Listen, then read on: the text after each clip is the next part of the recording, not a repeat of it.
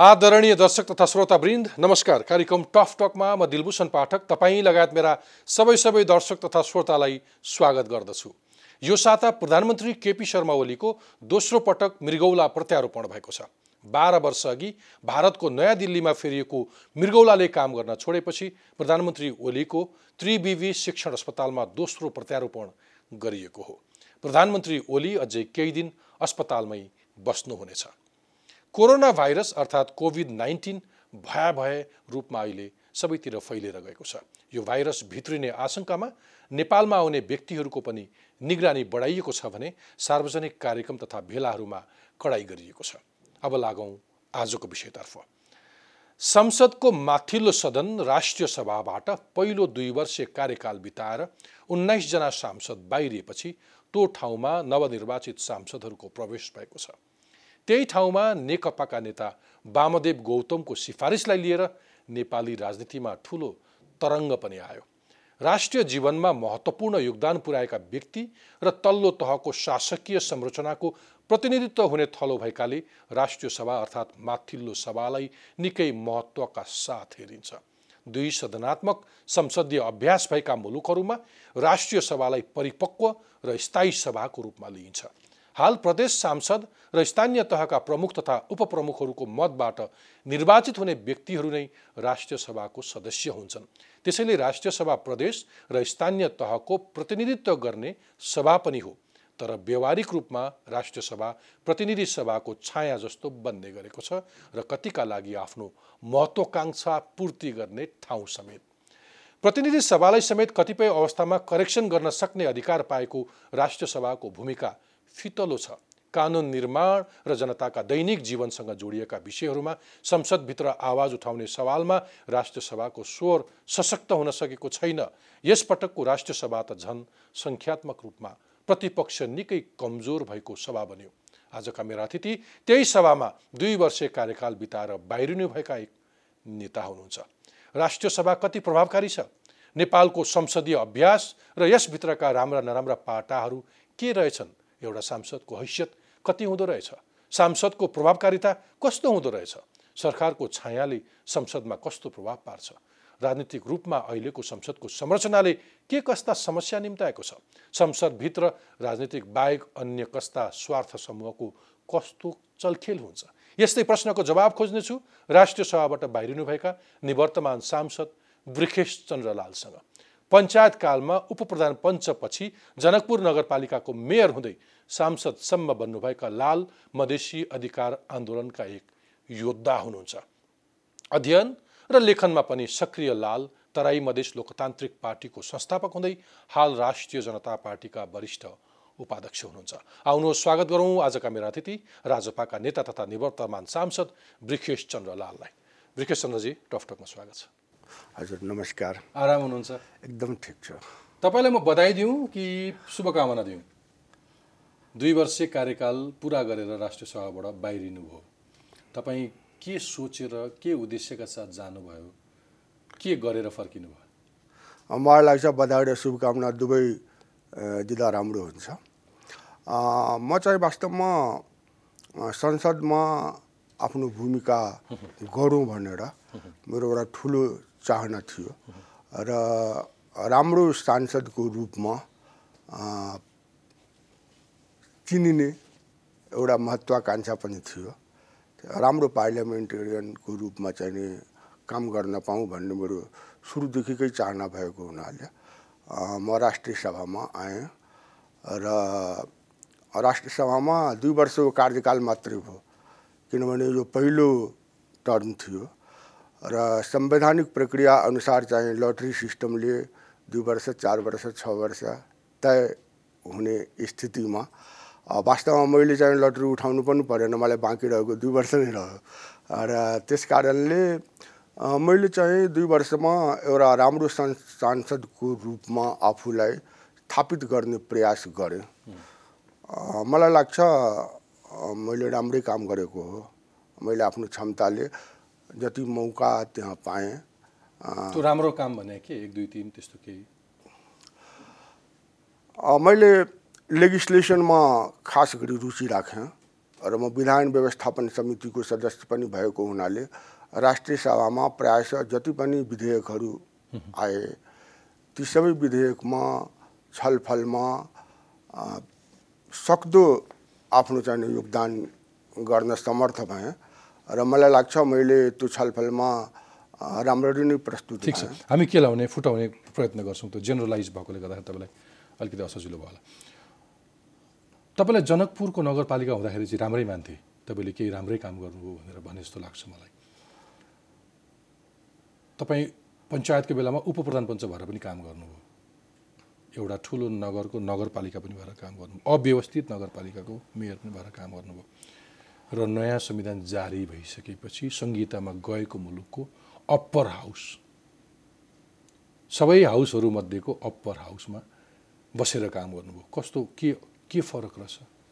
त्यो बेला र यो बेला त्यो तह र यो तह। एकदमै फरक फरक स्थिति थियो। म पञ्चायत कालमा वास्तवमा उप प्रधान पञ्चको निमित्त होइन। लोकतान्त्रिक आन्दोलनको क्रममा निर्वाचनमा भाग लिएर एउटा टेस्टको निमित्त निर्वाचनमा भाग लिएको नेपाली काङ्ग्रेसले सपोर्ट गरेर म उम्मेदवार भएको थिएँ र त्यतिखेर के थियो भनेदेखि कि लोकतान्त्रिक अधिकार र नेपालमा लोकतन्त्रको पुनर्स्थापनाको निमित्त हाम्रो जुन सङ्घर्ष थियो त्यसका निमित्त योगदान गर्नु सबभन्दा महत्त्वपूर्ण कुरा थियो। उप प्रधान पञ्चको हैसियतले त्यति कार्यकारी अधिकार पनि हुँदैन थियो त्यतिखेर र पञ्चायत व्यवस्था थियो। त्यसो भएको हुनाले अब नेपाली काङ्ग्रेस समर्थित उम्मेदवारको रूपमा जितेर आएपछि त्यति भूमिका त्यहाँ चाहिने गर्न पाइएन। तैपनि मैले जनतासँग सम्बन्धित कुराहरू पनि उठाएँ तर म आफ्नो पार्टीको जुन एजेन्डा थियो त्यस एजेन्डालाई अगाडि बढाउने प्रयास गरेँ लोकतान्त्रिक आन्दोलनमा सहभागी हुँदै गएँ र पछि नेपाली काङ्ग्रेसले पुस एक गते बहिष्कार गर्नुपर्छ भन्ने निर्देशन जारी गर्दाखेरि बहिष्कार गऱ्यौँ र देशभरिमा चारजनालाई निलम्बित गरियो। त्यो चारजनामा म पनि परेँ। र त्यसपछि एकैचोटि प्रजातन्त्रको पुनर्स्थापना भएपछि मात्रै चाहिँ अर्को राजनीतिक परिवेश आयो। त्यस कारणले त्यो स्थिति फरक थियो। जनकपुर नगरपालिकामा म स्वतन्त्र उम्मेदवारको हैसियतले मेयर भएको थिएँ र मलाई नगरपालिकालाई व्यवस्थित गर्नु एकदमै सीमित स्रोत साधनमा विकासको एउटा मोडेल जस्तो अगाडि बढाउनु। र मैले त्यतिखेर ध्यान दिएँ खास गरेर सरसफाइ होइन म त्यति डिटेल्समा जान्न। अनुभव कस्तो भयो? मलाई जेनरल तरिकाले भन्नुहोस् कति फरक रहेछ? लोकल लेभलमा काम गर्नु? र राष्ट्रिय सभामा चाहिँ बिल्कुलै फरक स्थिति थियो। हाम्रो जिम्मेवारी दुईवटा। एउटा जिम्मेवारी के भनेदेखि हामी मधेसी थारू आदिवासी जनजातिको अधिकारका निमित्त लड्दै आएका छौँ र समावेशिताको निमित्त लड्दै आएका छौँ। त्यो एजेन्डालाई अगाडि राख्नुपर्ने राजनीतिक रूपमा जनतासँग सम्बन्धित विषयहरू देशसँग सम्बन्धित राष्ट्रिय विषयहरूमा आफ्नो धारणा चाहिँ प्रस्तुत गर्नुपर्ने र विधायिका सम्बन्धी काम गर्नुपर्ने र त्यसको साथसाथै एउटा विशिष्ट जिम्मेवारी पनि हामीसँग छ जस्तो मलाई लाग्छ। राष्ट्रिय सभाका सम्पूर्ण माननीय सदस्यहरूमाथि एउटा विशेष जिम्मेवारी के छ भने राष्ट्रिय सभा वास्तवमा प्रदेश स्थानीय तहको प्रतिनिधित्व गर्ने संस्था भएको हुनाले र यो देश सङ्घीय संरचनामा प्रवेश गरिसकेपछि अर्को शब्दमा भन्दाखेरि सङ्घीय संरचनाको सभा भएको हुनाले प्रदेश र स्थानीय तहको अधिकारहरूको संरक्षण सङ्घीयताले मजबुत गर्ने हिसाबले कानुनहरूको निर्माण र त्यसको अभ्यासलाई संस्थागत गर्ने कुरामा हाम्रो योगदान हुनुपर्छ। त्यो जिम्मेवारी पनि थियो। थियो। तर दुर्भाग्य तपाईँ अस्ति त्यही राष्ट्रिय सभाबाट बाहिरिँदै गर्दाखेरि तपाईँले दिएको अन्तिम मन्तव्यमा तपाईँले भन्नुभयो कि हामी जसरी जुन रूपमा तलका प्रदेशहरूलाई प्रतिनिधित्व गरेर राष्ट्रसभाको सदस्य भयौँ तर हामीले त्यही क्षेत्रको बारेमा प्रशस्त होमवर्क गर्न सकेनौँ कसरत गर्न सकेनौँ अभ्यास गर्न सकेनौँ अथवा तिनको सशक्तिकरणका लागि हामीले खासै योगदान पुर्याउन सकेनौँ भनेर बाहिरिनु भयो हो। एकदम यदि राष्ट्रिय सभालाई एउटा परिपक्व संस्था उपल्लो हाउस भनिन्छ भने त्यो आजको दिनमा किन प्रभावकारी बन्न सकेन जस्तो लाग्छ तपाईँलाई? अब चाहिँ आत्मसमीक्षा गरौँ। तपाईँलाई मैले यो अवसर किन दिइरहेको छु भने तपाईँ त्यो उप प्रधान पञ्चदेखि त्यो उमेरदेखि त्यो अवस्थादेखि आज यो अवस्थासम्म आइपुग्नु भएको। कतिपटक यो घडी कतिपटक यो क्यालेन्डर गुम्यो कति पात्राहरू फेरिए कति नदीमा पानी बग्यो। तपाईँको महस आज- आजको महसुस के हो? आत्मसमीक्षा गर्दाखेरि राष्ट्रिय सभाले त्यो सेवा गर्न सकेको छ।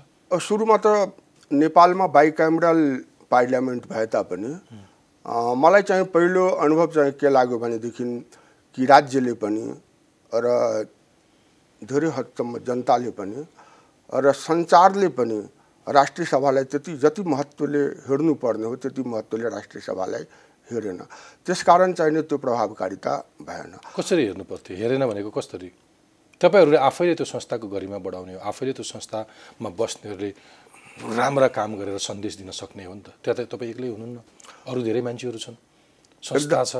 एकदमै सही कुरा भन्नुभयो। संविधानले- र मलाई चाहिँ के लाग्छ भने यो दुई वर्षमा राष्ट्रिय सभाले आफ्नो प्रभावकारितालाई बिस्तारै बढाउँदै लगेको छ र जनताको पनि ध्यान आकृष्ट भएको छ मिडियाको पनि ध्यान आकृष्ट भएको छ र राज्यले पनि सरकारले पनि अब राष्ट्रिय सभा चाहिँ महत्त्वपूर्ण संस्था हो भन्ने हिसाब किताबले हेर्ने दृष्टिकोण चाहिँ अगाडि बढ्दैछ। तर यस विषयमा कुरा गर्दाखेरि मलाई के लाग्छ भने हामीले यसको समीक्षा गर्दाखेरि पहिले यो सोच्नुपर्ने हो कि आखिर हामीले दुई सदनात्मक व्यवस्था किन अप्नायौँ त? मलाई लाग्छ नेपालमा दुई सदनात्मक व्यवस्था अपनाउनुको तात्पर्य चाहिँ के हो भने एउटा हाउस प्रतिनिधि सभा चाहिँ जनताको प्रत्यक्ष सभाको रूपमा रहने र राष्ट्रिय सभाले दोहोरो भूमिका गर्ने अफकोर्स डाउटै छैन त्यसमा। त्यो त संविधानमा स्पष्ट लेखिसकेको छ। र यसको गठन प्रक्रियाले गर्दाखेरि पनि यसको खास जिम्मेवारी चाहिँ के हो भने सङ्घीय संरचनालाई बल पुर्याउने गरी काम गर्ने एब्सोल्युटली त्यही खालको त्यही खालको रिप्रेजेन्टेसन पनि छ। त्यही खालको समावेशिता पनि छ नि होइन? अब मलाई भनिदिनुहोस् राष्ट्रिय सभा भन्ने बित्तिकै तपाईँले अहिले भनेका उद्देश्यले गठन गर्दाखेरि नै असाध्यै क्षमतावान वा विज्ञहरूको सभा हो नि? होइन? अनुभवी विज्ञहरूको सभा हो। तर तपाईँलाई यस्तो लाग्दैन कि तपाईँ केही अनुभवी विद्वानहरू बाहेक धेरै चाहिँ काम चलाउने खालका मात्र मान्छेहरू पठाइन्छ। त्यसकारण पनि राष्ट्र सभाले पर्फर्म गर्न सकेका छैन अब हुँदा हुँदा अस्ति के भयो भने कसैको महत्त्वकाङ्क्षा तपाईँले पनि आफ्नो मन्तव्यमा राख्नु भएको थियो कि कसैको महत्त्वकाङ्क्षाका लागि कुनै सभाहरू अथवा संविधानका कुनै धाराहरू संशोधन नगरियोस्। हुँदा हुँदा निर्वाचनबाट अघिल्लो निर्वाचनबाट पराजित नेकपाका नेता वामदेव गौतमलाई राष्ट्रिय सभामा लाने कसरतले ठुलो तरङ्ग उत्पन्न गर्यो।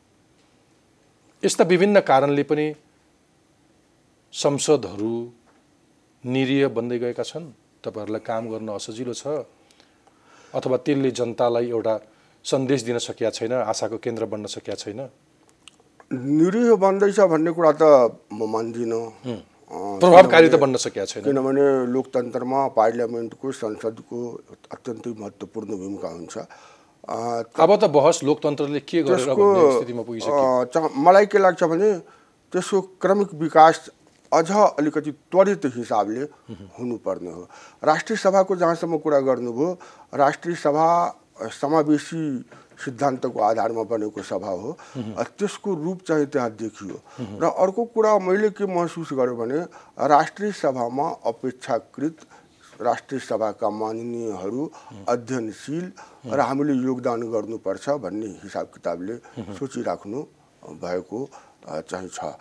तर तपाईँले जुन प्रश्न उठाउनुभयो त्यो त अब सम्पूर्ण राजनीतिक क्षेत्रको मानसिकतामा परिवर्तनसँग सम्बन्धित कुरा हो यो हामीले राष्ट्रिय सभा भनौँ या प्रतिनिधि सभा भनौँ त्यसमा योग्य व्यक्तिहरू राजनीतिक रूपले सक्षम व्यक्तिहरू र लाई चाहिने छान्ने उम्मेदवार बनाउने काम त आखिर निर्वाचन प्रक्रियाको त होइन नि त्यो त राजनीतिक नेतृत्वको कुरा हो। त्यसमा चाहिँ कमी देखियो।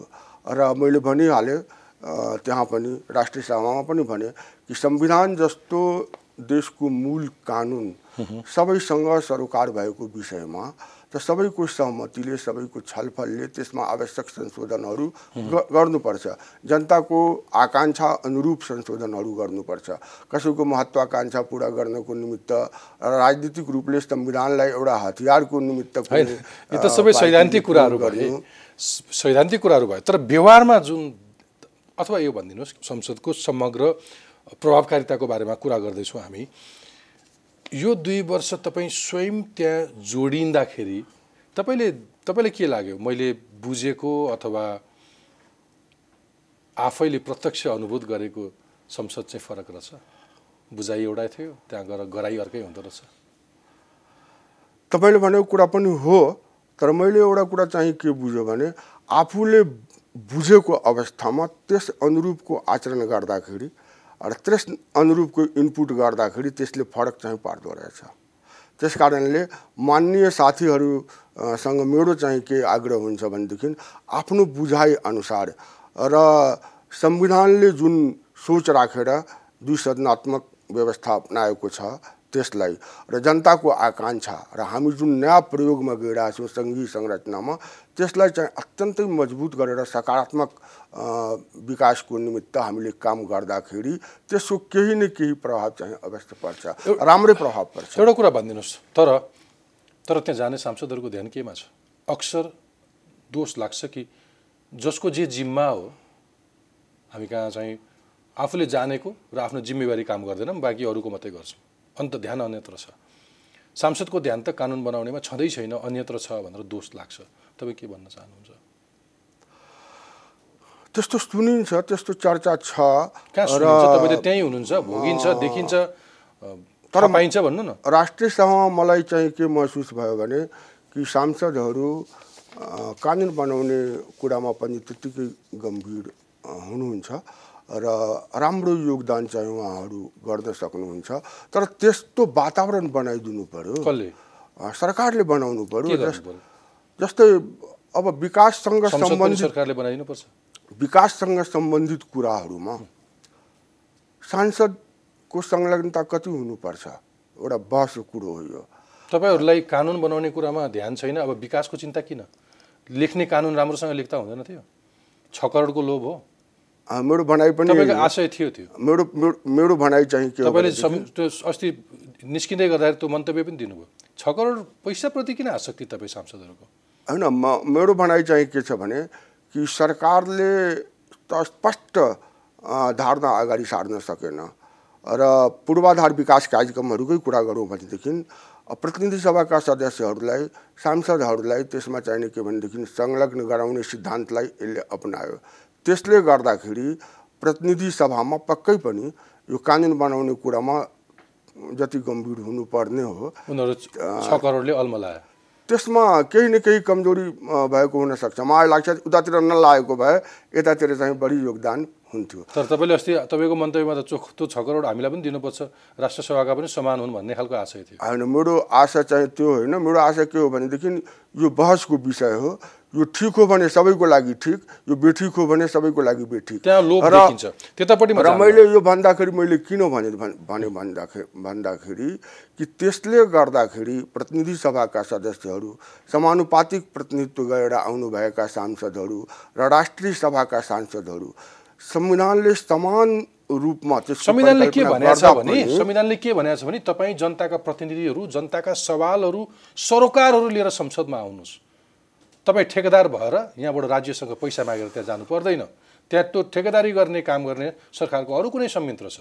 सांसदको मूलभूत जिम्मेवारी के हो भने यहाँ कुनै विधेयकको चर्चा भयो यहाँ कुनै ऐनको कुरा भयो। तपाईँहरू त्यो ऐनको बारेमा आफ्नो क्षेत्रका सरकारवालाहरूसँग छलफल गर्न जानुभएको छ? खानेपानीको मुद्दा आउन सक्छ तपाईँको क्षेत्रमा।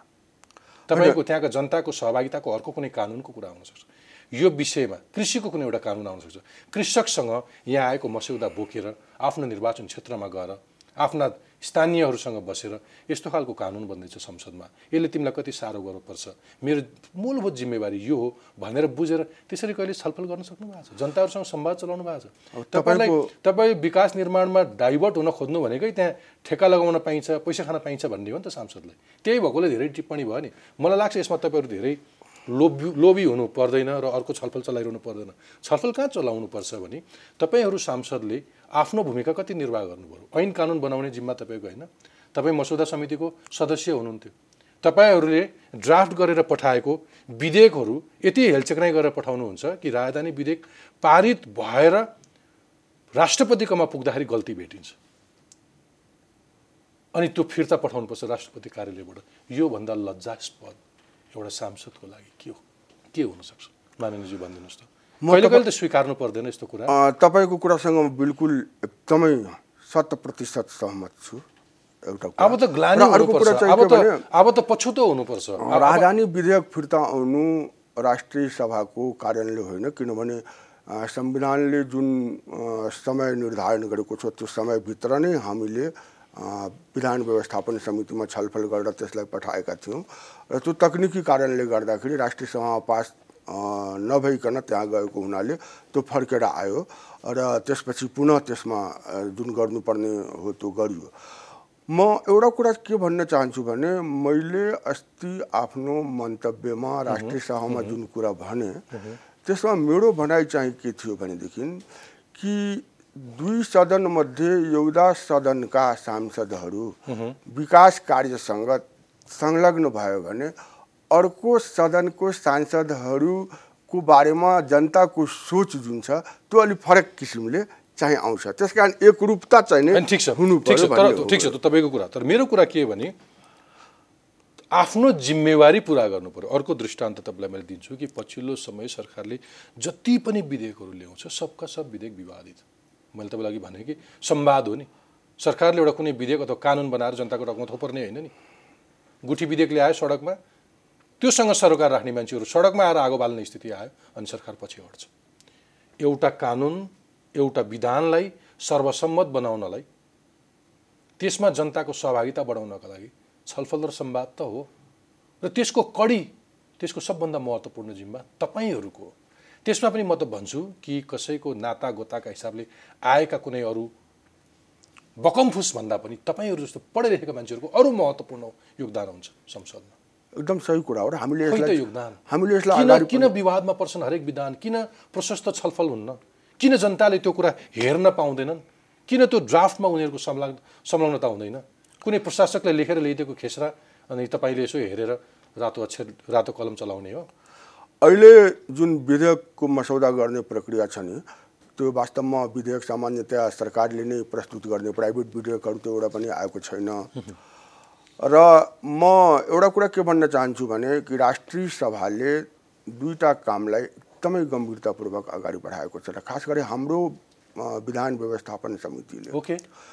एउटा काम चाहिँ के हो भने ल स्क्रुटिनीको कुनै कानुन कार्यान्वयन भयो भएन त्यो उद्देश्य अनु अनुसार कार्यान्वयन भयो कि भएन र कार्यान्वयन नहुनुको कारण चाहिँ के हो? इन्स्टिट्युसन भन्नु कानुन कानुन कार्यान्वयन गर्ने सङ्घ संस्थाहरूले भएका कानुनहरूलाई विद्यमान कानुनलाई कति प्रभावकारी रूपमा कार्यान्वयन गरे गरेनन्? कार्यान्वयन गरे। वा त्यो उद्देश्य अनुरूप कार्यान्वयन भयो भएन? र त्यो कार्यान्वयनै भएन कि जस्तै सामाजिक सुधार ऐनहरू छ त्यसको बारेमा अध्ययन गर्ने अनुसन्धान गर्ने र प्रत्येक वर्ष संसदीय अभ्यासको रूपमा एउटा प्रतिवेदन अगाडि बढाउने। त्यो काम हामीले सुरु गरेका छौँ। जो काम पहिले संसदको अभ्यासभित्र ठिक छ। चाहिँ सुरु औपचारिक कसरी गर्नुभयो। त्यसको monitoring evaluation check and balance कसरी कसले गर्छ? हामी चाहिँ के भने अब सबै कानुनलाई एकैपटक त गर्न सक्दैनौँ। तर ती कान केही कानुनहरू अ, लाई चाहिँ छनौट गरेर ती कानुनहरूमाथि चाहिँ अन्तर्क्रियाहरू गर्ने एउटा उपसमिति बनाएर त्यसले छलफल गर्ने र कानुनसँग सम्बन्धित मन्त्रालयहरूसँग सम्पर्क राखेर के कस्तो अवस्था छ त्यसको बारेमा चाहिँ जानकारी प्राप्त गर्ने र यो अलि प्रारम्भिक प्रक्रियामा छ तर चाहिँ त्यो काम हामीले सुरु गरेका छौँ मलाई लाग्छ यो विधायनीमा। एउटा। महत्त्वपूर्ण कुरा। अर्को कुरा तपाईँले जुन भन्नुभयो जनताको सहभागिता कानुनमा कानुन निर्माणमा राष्ट्रिय सभाले जति पनि विधेयकहरूमाथि छलफल गरेको छ ती सबै विधेयकहरूमाथि छलफल गर्दाखेरि सरकारवाला सङ्घ संस्थाहरूलाई र विज्ञहरूलाई पनि त्यस विषयका ज्ञाताहरूलाई पनि बोलाएर छलफल गर्ने गरेका छौँ। एकदम गम्भीरतापूर्वक। व्यापक छैन त्यो गम्भीर छैन। त्यसमा अन्तर्क्रिया पनि हामीले गर्ने छैन। तपाईँ। र मैले सडकमा निस्कौँ। कुनै कानुनको कुरा गर्नुहोस् कुनै विधेयकको कुरा गर्नुहोस् त्यसका सरोकार प्रत्यक्ष सरोकार राख्ने संस्थाहरूमा हामी भ्रमण गरौँ। कसैको पनि उपस्थिति पुगेका छैन। म मान्दछु त्यो पुगेका छैन। तर त्यसको सुरुवात त हामीले गऱ्यौँ त्यो अगाडि चाहिँ बढ्दै जानेछ। हामी प्रदेश प्रदेशमा गएर पनि छलफल गर्ने त्यसको सुरुवात लाग्ने समय। त्यसको इम्प्याक्ट त्यसको रिजल्ट कहिले आउँछ भन्ने पनि हो। कति घनीभूत भयो कति प्रभावकारी भयो कति ब्रड कति व्यापक भयो प्रभावकारी भएको छ। जस्तै भनौँ म उदाहरणको लागि भन्न सक्छु। कि मिडिया काउन्सिल सम्बन्धी बिल आउँदाखेरि राष्ट्रिय सभामा दर्ता भएपछि हामी सुरुमै त्यसमा चाहिँ छलफल गऱ्यौँ त्यसमा विरोध पनि गऱ्यौँ सरकारसँग कुराकानी पनि गऱ्यौँ र त्यसलाई परिमार्जित गर्ने जाने यस हिसाबले परिमार्जित गर्ने जाने भन्ने हिसाबले अगाडि बढायौँ। प्रदेश प्रदेशमा लगेर मिडिया कर्मीहरू बिचमा पनि हामी छलफल छैन पर्याप्त छैन। माफ गर्नु होला मलाई एउटा कुरा भनिदिनुहोस्। त्यसो भए तपाईँले जाँदा जाँदै भन्नुभयो कि प्रदेश अथवा स्थानीय सभाबाट निर्वाचित भएर आएका हामीहरूले स्वयं त्यो विषयमा प्रवेश गर्नै सकेनौँ। हामी त्यहाँ पुग्दै पुगेनौँ र हामी हाम्रो जुन महत्त्वपूर्ण जिम्मेवारी थियो त्यहीबाट हामी वञ्चित भयौँ भनेर तपाईँको मन्तव्य कति विडम्बना। तपाईँहरूलाई जसले त्यहाँ पठाउँछ र जेका लागि पठाउनुहुन्छ त्यो विषय सर्लक्क नछोइकन तपाईँहरू बाहिरिनुहुन्छ। योभन्दा बिडम्बना केही हुन्छ? तपाईँहरूका लागि त सुखदै बित्यो होला दुई वर्ष। रमाइलो छलफल गफ ठट्टा। तर म जस्ता नागरिकलाई अथवा म जहिले जस जसको प्रश्न बोकेर आइरहेको छु ती आम जनतालाई धोका होइन? तिनको सपनामा तुषारापात होइन? एकदम सही कुरा हो यो। यसमा राष्ट्रिय सभाले मलाई लाग्छ बढी ध्यान दिनुपर्छ। मैले यो कुरा उठाएँ पनि कि हाम्रो मूल योगदान चाहिँ केमा हुनुपर्छ भने सङ्घीय संरचनालाई संस्थागत कसरी बनाउने कसरी मजबुत गर्ने स्थानीय तह र प्रदेशहरूलाई अधिकार सम्पन्न कसरी बनाउने कसैको बोली र व्यवहार देख्नु भएको छ यसका लागि? कुरा हो। अधिकार सम्पन्न बनाउन मजबुत बनाउन कसैको बोली र व्यवहार देख्नु भएको छ? आजसम्म दुई वर्ष देख्नुभयो तपाईँले। कुनै नेताबाट? मान्यज्यूहरू हुनुहुन्छ। तर जति गम्भीर हुनुपर्ने हो र त्यसमा जति प्रखरतापूर्वक आउनुपर्ने हो त्यसमा राग राजनीतिको रङ चढेको पार्टीको रङ चढेको मैले चाहिँ महसुस गरेँ। त्यो हुनु हुँदैन। त्यसका निमित्त गम्भीर नै हुनुपर्छ भन्ने चाहिँ मेरो चाहिँ सोचाइ हो। गम्भीर नै हुनुपर्छ होइन? गम्भीर मात्र हुनुपर्छ। त्यहाँ गइसक्यो गम्भीर गम्भीर मात्र हुनुपर्छ भने अ, तपाईँले ठिक भन्नुभयो। एकदमै एकदमै गम्भीर भएर त्यसमा कर्तव्यनिष्ठ भएर हामीले चाहिँ लाग्नुपर्छ। त्यसो गरौँ। कुरा गरिसकेपछि धेरै सैद्धान्तिक भन्दा पनि त्यसको व्यवहारिक पक्ष खोतलम। यो सोमा म के एउटा अपेक्षा गर्छु भने छलफल मात्रै होइन कि त्यसले कुनै एउटा रिजल्ट दियोस् एउटा कुनै एक्सन देखाओस् भन्ने कुरा। के कारण? कसले रोक्यो तपाईँहरूलाई त्यो विषय प्रवेश गर्न? तपाईँहरूको हातखुट्टा बाँधेको थियो?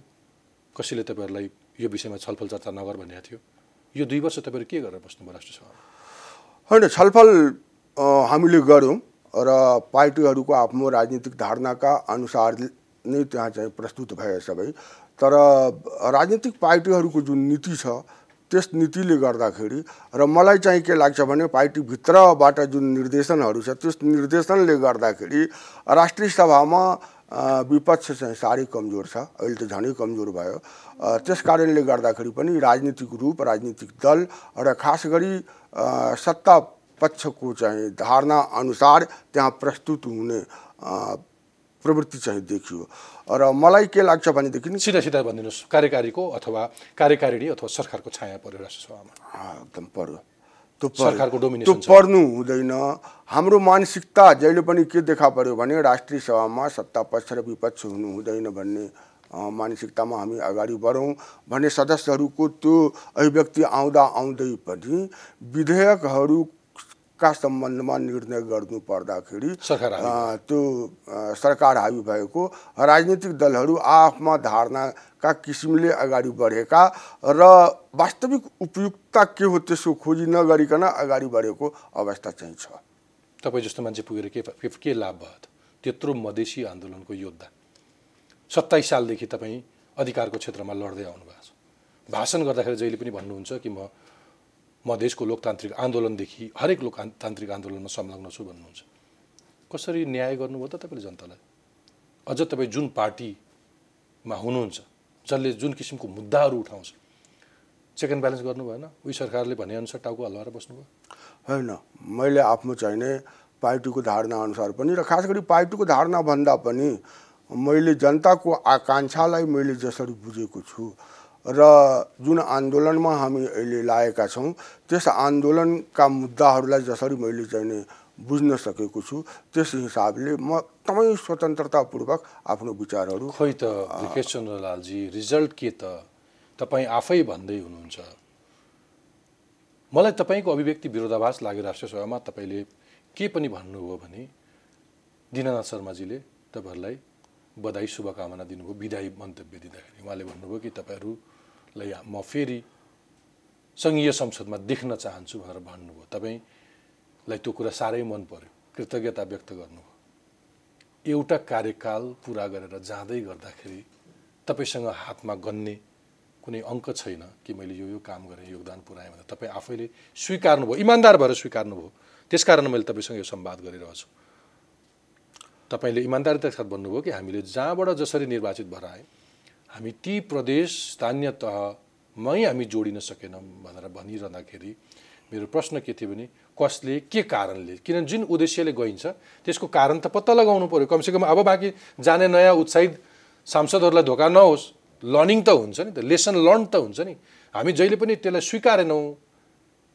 हामीले त्यो त्यो डबल स्ट्यान्डर्डमा बसिरह्यौँ त्यो कुरा बोध गर्न सकेनौँ भने त्यो अर्को पुस्तौँ पुस्तासम्म धोका आउँछ तपाईँले गर्न नसके पनि मैले गर्न नसकेको यो काम चाहिँ हो भनेर भनिदिनु हो भने तपाईँलाई पछ्याएर आउने अर्को कसैले गर्छ? तर त्यो भन्न सकेनौँ भने कसैले गर्दै गर्दैन मुलुकमा चेन्ज हुँदैन। अब तपाईँ भन्नुहोस् अस्ति आउने नयाँहरूलाई चाहिँ तपाईँ के भन्न चाहनुहुन्छ?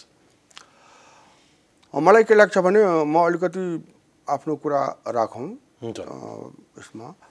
दुई वर्ष अत्यन्त छोटो समय हामीहरूको निमित्त भयो। तर यो संविधान अनुसारको प्रक्रिया पुरा गर्ने हिसाब किताबले यस्तो भयो। त्यस कारणले मलाई कुनै दुःख पनि छैन। तर मलाई चाहिँ के लाग्छ भने कि दुई वर्ष मध्ये धेरै जसो समय चाहिँ हामीले सिक्न नै टाइम लाग्यो र म आफ्नो कर्तव्यप्रति इमान्दार प्रयास चाहिँ गरेको छु। त्यो मेरो सन्तुष्टि एउटा चाहिँ छ। र अहिले नयाँ आउने साथीहरूलाई म चाहिँ के भन्न चाहन्छु भने कि सबभन्दा पहिले राष्ट्रिय सभा सङ्घीय संरचनाको प्रतिनिधित्व गर्ने सभा हो।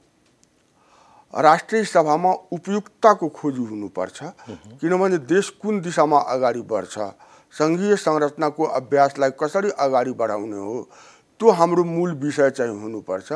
त्यसमा ध्यान दिएर त्यसमा अध्ययनशील बनेर दुनियाँभरिमा भएका अभ्यासहरूको अनुभवलाई पनि समेटेर हामी कसरी हाम्रो नेपालको आफ्नो स्थिति अनुसार अगाडि बढाउन सक्छौँ त्यस विषयमा ध्यान केन्द्रित गरेर उहाँहरूले काम गर्नुभयो भने नेपालको निमित्त अत्यन्त राम्रो कुरा हुन्छ।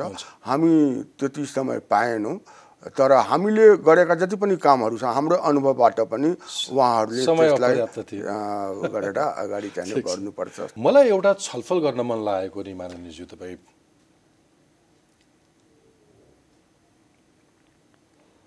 समग्र सांसदको समग्र संसदको कुरा पनि गर्दैछौँ। यति धेरै पर्सनलाइज रूपमा नलिउँ। बिल्कुल तपाईँको मात्रै मुद्दा अथवा राष्ट्रिय सभाका सांसदहरूको मात्रै मुद्दा अथवा राष्ट्रिय सभाको मात्रै प्रश्न होइन कि? समग्र संसदको कुरा गर्दाखेरि चाहिँ हाम्रा संसदहरूको कुरा गर्दा र हाम्रा सांसदहरूको कुरा गर्दा चाहिँ संविधानले जुन व्यवस्था गर्यो नि विविधता एउटा डाइभर्स पार्लियामेन्ट अनि त्यसले समावेश गरेको छ सबै पक्षहरूलाई सीमान्तकृत मधेसी अलिकति कमजोर मानिएको वर्ग अलिकति पिछडिएको वर्ग अस्ति अस्ति राज्यको आँखामा नपरेको शासकहरूको आँखामा नपरेका जो जो ज जसलाई जसरी पार्यौँ महिलाहरू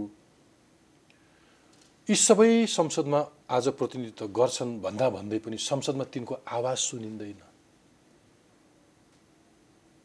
संसदमा पनि एक किसिमको हिंसा हुन्छ संसदमा पनि विभेद हुन्छ संसदमा पनि मतभेद हुन्छ कि त्यहाँ ठुलाहरूले मात्रै बोल्ने शक्तिशाली मान्छेहरूले मात्रै बोल्ने। सत्तापक्षका सांसदहरूले मात्रै बोल्ने। कि सब बिकाउमा जाने। सरकारको छाया भनेको त्यो पनि होला। भोइस गरेका छन् सांसदहरूले संसदमा तपाईँलाई त्यस्तो लाग्छ?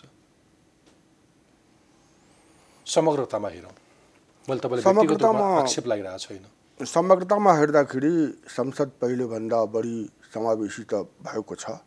मान्छेले टाउकोले विचारले भयो? बोलीले भयो आवाजले भयो?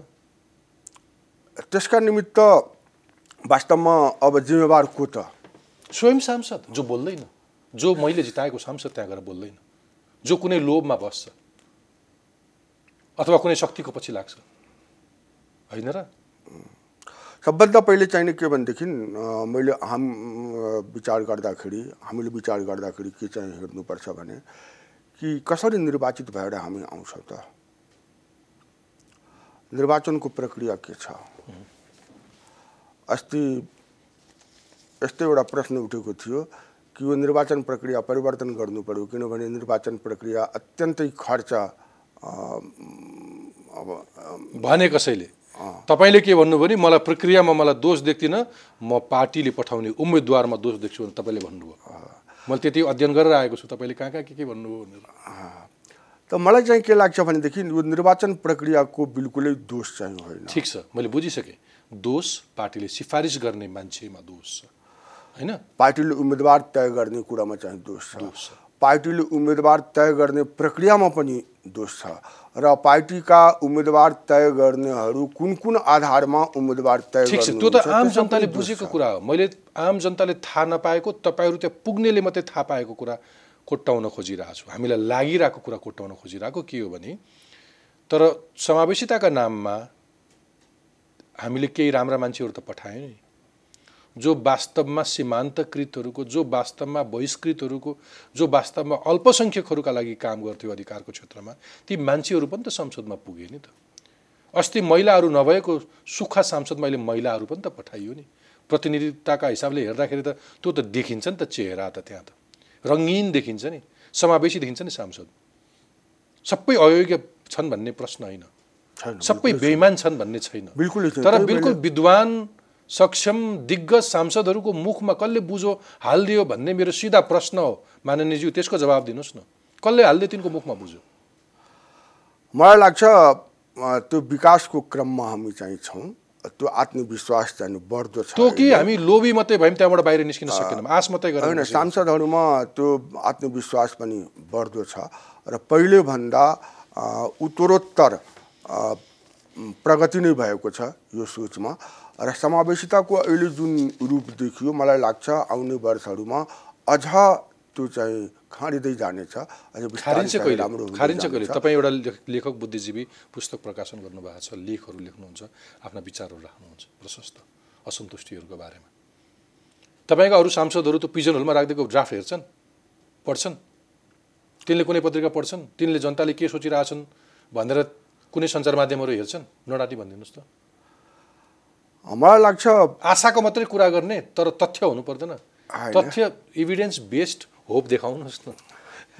हेर्ने प्रयास चाहिँ गर्नुहुन्छ र मलाई लाग्छ त्यो प्रवृत्ति बढ्दै गइरहेको छ अहिले। हेर्ने अध्ययन गरेर आउने। किनभने अब यति कम्पिटेन्ट हुँदैछ संसदमा पनि आफ्नो विचार राख्ने कुरा आफ्नो धारणा राख्ने कुरा र सूचनाहरूलाई विश्लेषण गरेर अगाडि बढाउने कुरा कि अब साथीहरू त्यसमा चाहिँ गम्भीर के भएको के आयो? मैले तपाईँलाई भन्छु रिजल्ट के आयो? त्यो संसदले ड्राफ्ट गर्ने सबै विधानहरू विवादमा पर्छन्। संसदले विधा विधेयकलाई ड्राफ्ट गर्दैन। यो त सबैलाई थाहा भएको कुरा हो। कानुन बनाउने त त्यही हो नि। ड्राफ्ट टेक्निकली मैले गलत शब्द प्रयोग गरेर तर कसैले खेसरा ल्याउने भन्ने होइन कि त्यो त्यो आएको मस्यौदामा छलफल गर्ने त तपाईँहरू हो नि।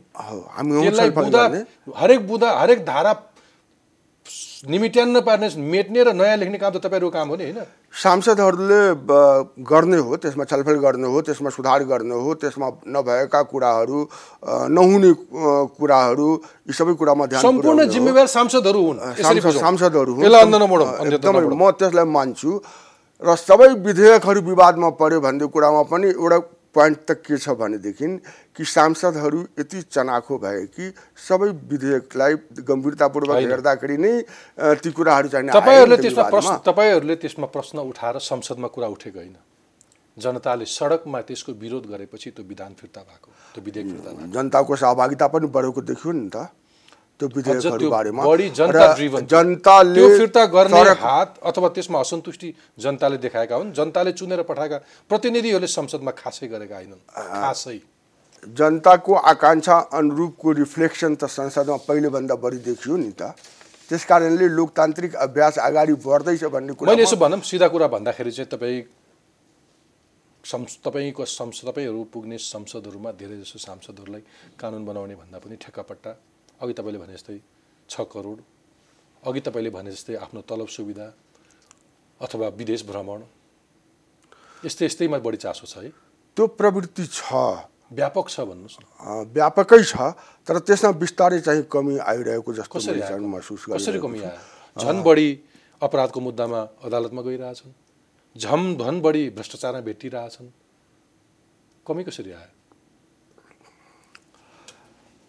मलाई चाहिँ के लाग्छ भने त्यस मामलामा संसदको जति भूमिका हुन्छ तपाईँले भ्रष्टाचारसँग सम्बन्धित कुराहरू भन्नुभयो या भनौँ अपराधसँग सम्बन्धित कुराहरू जति भन् भन्नुभयो ती सबै कुरामा नियन्त्रण गर्ने वास्तवमा कार्यकारिणीको अधिकार हो त्यो। र त्यो कार्यकारिणी त्यसमा चनाखो हुनुपर्छ। आफ्नो निजी मोरल पनि हो नि। मेरो मोरलमा म संसद छु भने मेरो मोरलमा तपाईँ कहाँ सरकारको जिम्मा दिइरहनु भएको छ? सरकार चनाएको हुनुपर्छ।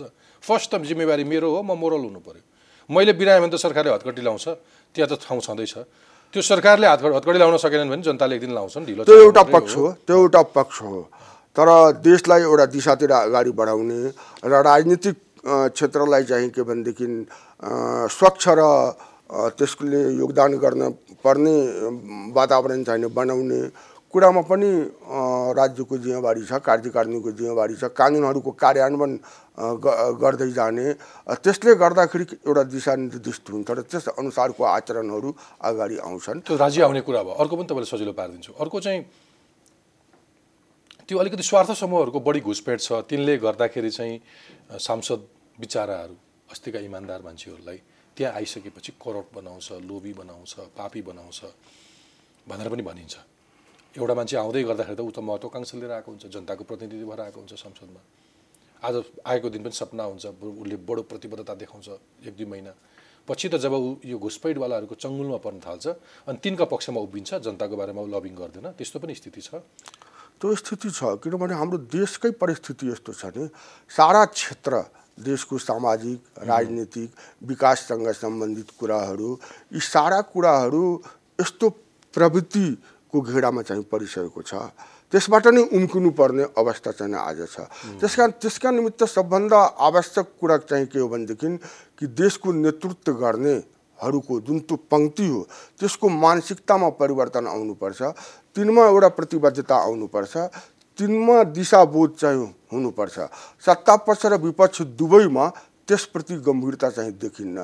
त्यसको निमित्त हामीले काम गर्नुपर्ने होइन फेरि यो। यो यो पनि हाम्रो संसद यति बिजोग भयो भन्दा निराश पनि किन हुनु हुँदैन भने अमेरिकी संसदमा पनि अथवा विश्वका ठुल्ठुला मुलुक भनिएका सभ्य शिष्ट भनेर कहलिएका संसदमा पनि यस्तो चलखेल गर्ने बाहिर समूहहरूको घुसपेट हुन्छ र संसद किनबेच हुन्छ। अमेरिकी संसदमा चेक नै कुनै एउटा समूहको स्वार्थपूर्तिका लागि सांसद किन्नलाई चेक नै वितरण गरेको भन्ने सम्मका समाचारहरू आएका थिए र अरू संसदहरूमा त्यस्तो आउँछन् पनि। मैले तपाईँलाई कहाँनिर सोध्न खोजेँ भने त्यसो भए तिनलाई डिसिप्लिन बनाउनलाई चाहिँ तपाईँले सरकारलाई भने जस्तै मैले जनता पनि भन्छु नि अरूको कसको योगदान छ? तिनलाई त कान समाउनुपर्छ होला नि त। सबभन्दा त जनता नै हो। ऊ आफू होइन? उसले आफूले आफू मोरल सोच्नु पर्दैन सब जब जनताले यस कुरामाथि बढी ध्यान दिन थाल्छ नि अनि चाहिँ एउटा आप से आप एउटा प्रक्रिया चाहिँ सुरु हुन्छ। त्यो चाहिँ के हो भनेदेखि सांसदहरू जनताको चाहना अनुरूप अगाडि बढ्ने र आफ्नो कर्तव्यमा निष्ठ हुने प्रवृत्ति चाहिँ अगाडि बढ्छ। ओके। ओके। समितिहरूको प्रभावकारिता कस्तो पाउनुभयो? तपाईँ जब आफै विधान व्यवस्थापन व्यवस्थापन समितिमा हुनुहुन्थ्यो। यस्ता धेरै समितिहरू छन्। तपाईँहरूको राष्ट्रसभामा चाहिँ सानो सङ्ख्या भएकोले चारवटा मात्रै समिति छ। तर प्रतिनिधि सभामा अन्य प्रशस्त समितिहरू छन्। जुन समितिहरूले आफ्नो कार्य कस्तो गरिरहेछन्? मलाई लाग्छ समितिहरू विधान व्यवस्थापन समितिको बारेमा म बढी भन्न सक्छु। विधान व्यवस्थापन समिति आफ्नो काममा जिम्मेवारीपूर्वक नै काम गरेको मैले चाहिँ देखेँ र माननीय सदस्यज्यूहरू त्यसमा आफ्नो योग्यता र आफ्नो क्षमता अनुसार आफ्नो विवेक पुर्याएर त्यसमा सहभागिता गर्नुभयो योगदान गर्नुभयो। अरू समितिहरू पनि त्यस्तै होला भन्ने चाहिँ म आशा गर्दछु। तर त्यसमा पनि अझै सुधार हुनुपर्ने आवश्यकता चाहिँ छ। अब जाँदा जाँदै अन्तिमतिर पुग्यौँ। तपाईँलाई तपाईँ आफै पनि जाँदा जाँदै त्यो संविधान राष्ट्रिय सभाबाट बाहिरिँदै गर्दाखेरि मनमा त्यस्तो पनि लाग्यो कि म जसरी एउटा संस्था रिप्रेजेन्ट गर्थेँ राजपा सत्ता पक्षको पो सरकार हो त संसद त प्रतिपक्षको हो। एउटा प्रतिपक्षी सांसदका हिसाबले मैले मेरा पार्टीका मुद्दाहरू कति उठाउन सकेँ अथवा मैले अस्ति जुन बाटो हिँडेँ त्यसका लागि कति न्याय गर्न सकेँ भन्ने केही महसुस हुन्छ पोल छ मलाई चाहिँ के लाग्छ भने मैले आफ्नो क्षमताले पुरै प्रयास गरेको हुँ र मैले इमान्दारीपूर्वक नै प्रयास गरेको हुँ पार्टीको धारणा र मैले आवाज पनि उठाएको हुँ। अब म कति ठिक थिएँ कति बेठिक थिएँ त्यसको समीक्षा त जनताबाट हुनुपर्छ बौद्धिक समुदायबाट हुनुपर्छ र पार्टीले गर्नुपर्छ। तर मलाई लाग्छ मैले आफ्नो कर्तव्य पालनाप्रति गम्भीर भएर इमान्दारीपूर्वक नै काम गरेँ। हो तर धेरै मान्छेले उयो कर्मकाण्डी विरोध मात्रै गर्नुभयो। एकदमै क्रिएटिभ कन्स्ट्रक्टिभली कुनै एउटा विकृति विरुद्धको विसङ्गतिलाई तोकेरै सुधार्नका लागि खासै पहल गरिएको देखिएन पनि भन्छन् नि। त्यो पनि हो त्यो देख्दाखेरि त्यसै देखिन्छ। तर त्यसभित्र कारण चाहिँ के छ भनेदेखि विपक्ष अत्यन्त कमजोर थियो हाम्रो सदनमा र खास गरी हाम्रो पार्टी त हामी दुईजना मात्रै त्यहाँ थियौँ। त्यस कारणले सङ्ख्याले पनि बहुत महत्त्वपूर्ण भूमिका निर्वाह गर्दो रहेछ। होइन एक्लो मान्छे पनि अर्को कुनाबाट विरोधको स्वर उठाउन सक्छ। सरकारको सारथी भएर हिँड्नु पर्दैन एक्लो मान्छे भयो भन्दैमा। त्यो प्रयास संसदमा एक्लो भयो भने पनि उसको आवाज अझ चर्को हुन्छ। त्यो प्रयास। त्यो प्रयास चाहिँ मैले गरेँ र म गर्वका साथ भन्न सक्छु कि हामी दुईजना भए पनि त्यो प्रयास चाहिँ हामीले गऱ्यौँ। बिट मारौँ अब तपाईँलाई अब फेरि जाँदा जाँदै चाहिँ इच्छा के छ? तपाईँलाई म कसरी शुभकामना दिउँ? फेरि नेपाली पोलिटिक्समा घुमफिर गर्दै फेरि यो संसदमा आउने इच्छा छ अथवा आउँदाखेरि अरू सशक्त भएर आउने इच्छा छ अथवा नयाँ पुस्ता आइरहेछ म पञ्चायतको समयदेखि यो राजनीतिमा छु अर्को पुस्तालाई प्रोत्साहन गर्छु भन्नुहुन्छ अथवा तपाईँहरूको क्षेत्रमा त अरू महिलाहरू पनि अल्पसङ्ख्यक सीमान्तकृतहरू पनि छन् तिनको न्यायमा यो गर्छु भन्ने केही त्यस्तो जान जाँदैका केही कुराहरू जसका लागि म तपाईँलाई शुभकामना दिउँ। म पचास वर्षदेखि राजनीतिमा सक्रिय छु र म एउटा एक्टिभिस्टको रूपमा काम गरेँ। लोकतन्त्रको नाम निमित्त काम गरेँ। सीमान्तकृत समुदाय र पिछडिएका वर्गको निमित्त काम गरेँ। मेरो इच्छा चाहिँ के छ भने यो सक्रियता मेरो जीवन पर्यन्त रहिरहोस् र जनताले दिने स्नेह पनि मलाई प्राप्त भइरहोस् र निश्चय नै मलाई के लाग्छ भने सबभन्दा महत्त्वपूर्ण भूमिका सांसद भएर नै गर्न सकिन्छ अहिलेको अवस्थामा देशको निमित्त। त्यसकारण जनताले चाह्यो भने म पुनः सांसद भएर आउन चाहिने चाहन्छु। ब्रिकेश चन्द्रजी तपाईँलाई धेरै धेरै शुभकामना मेरो प्रश्नहरू तपाईँ व्यक्तिप्रति लक्षित भन्दा पनि म प्रवृत्तिमाथि बढी छलफल चलाउन खोज्छु तपाईँको महत्त्वपूर्ण समय र विचारका लागि धेरै धेरै धन्यवाद।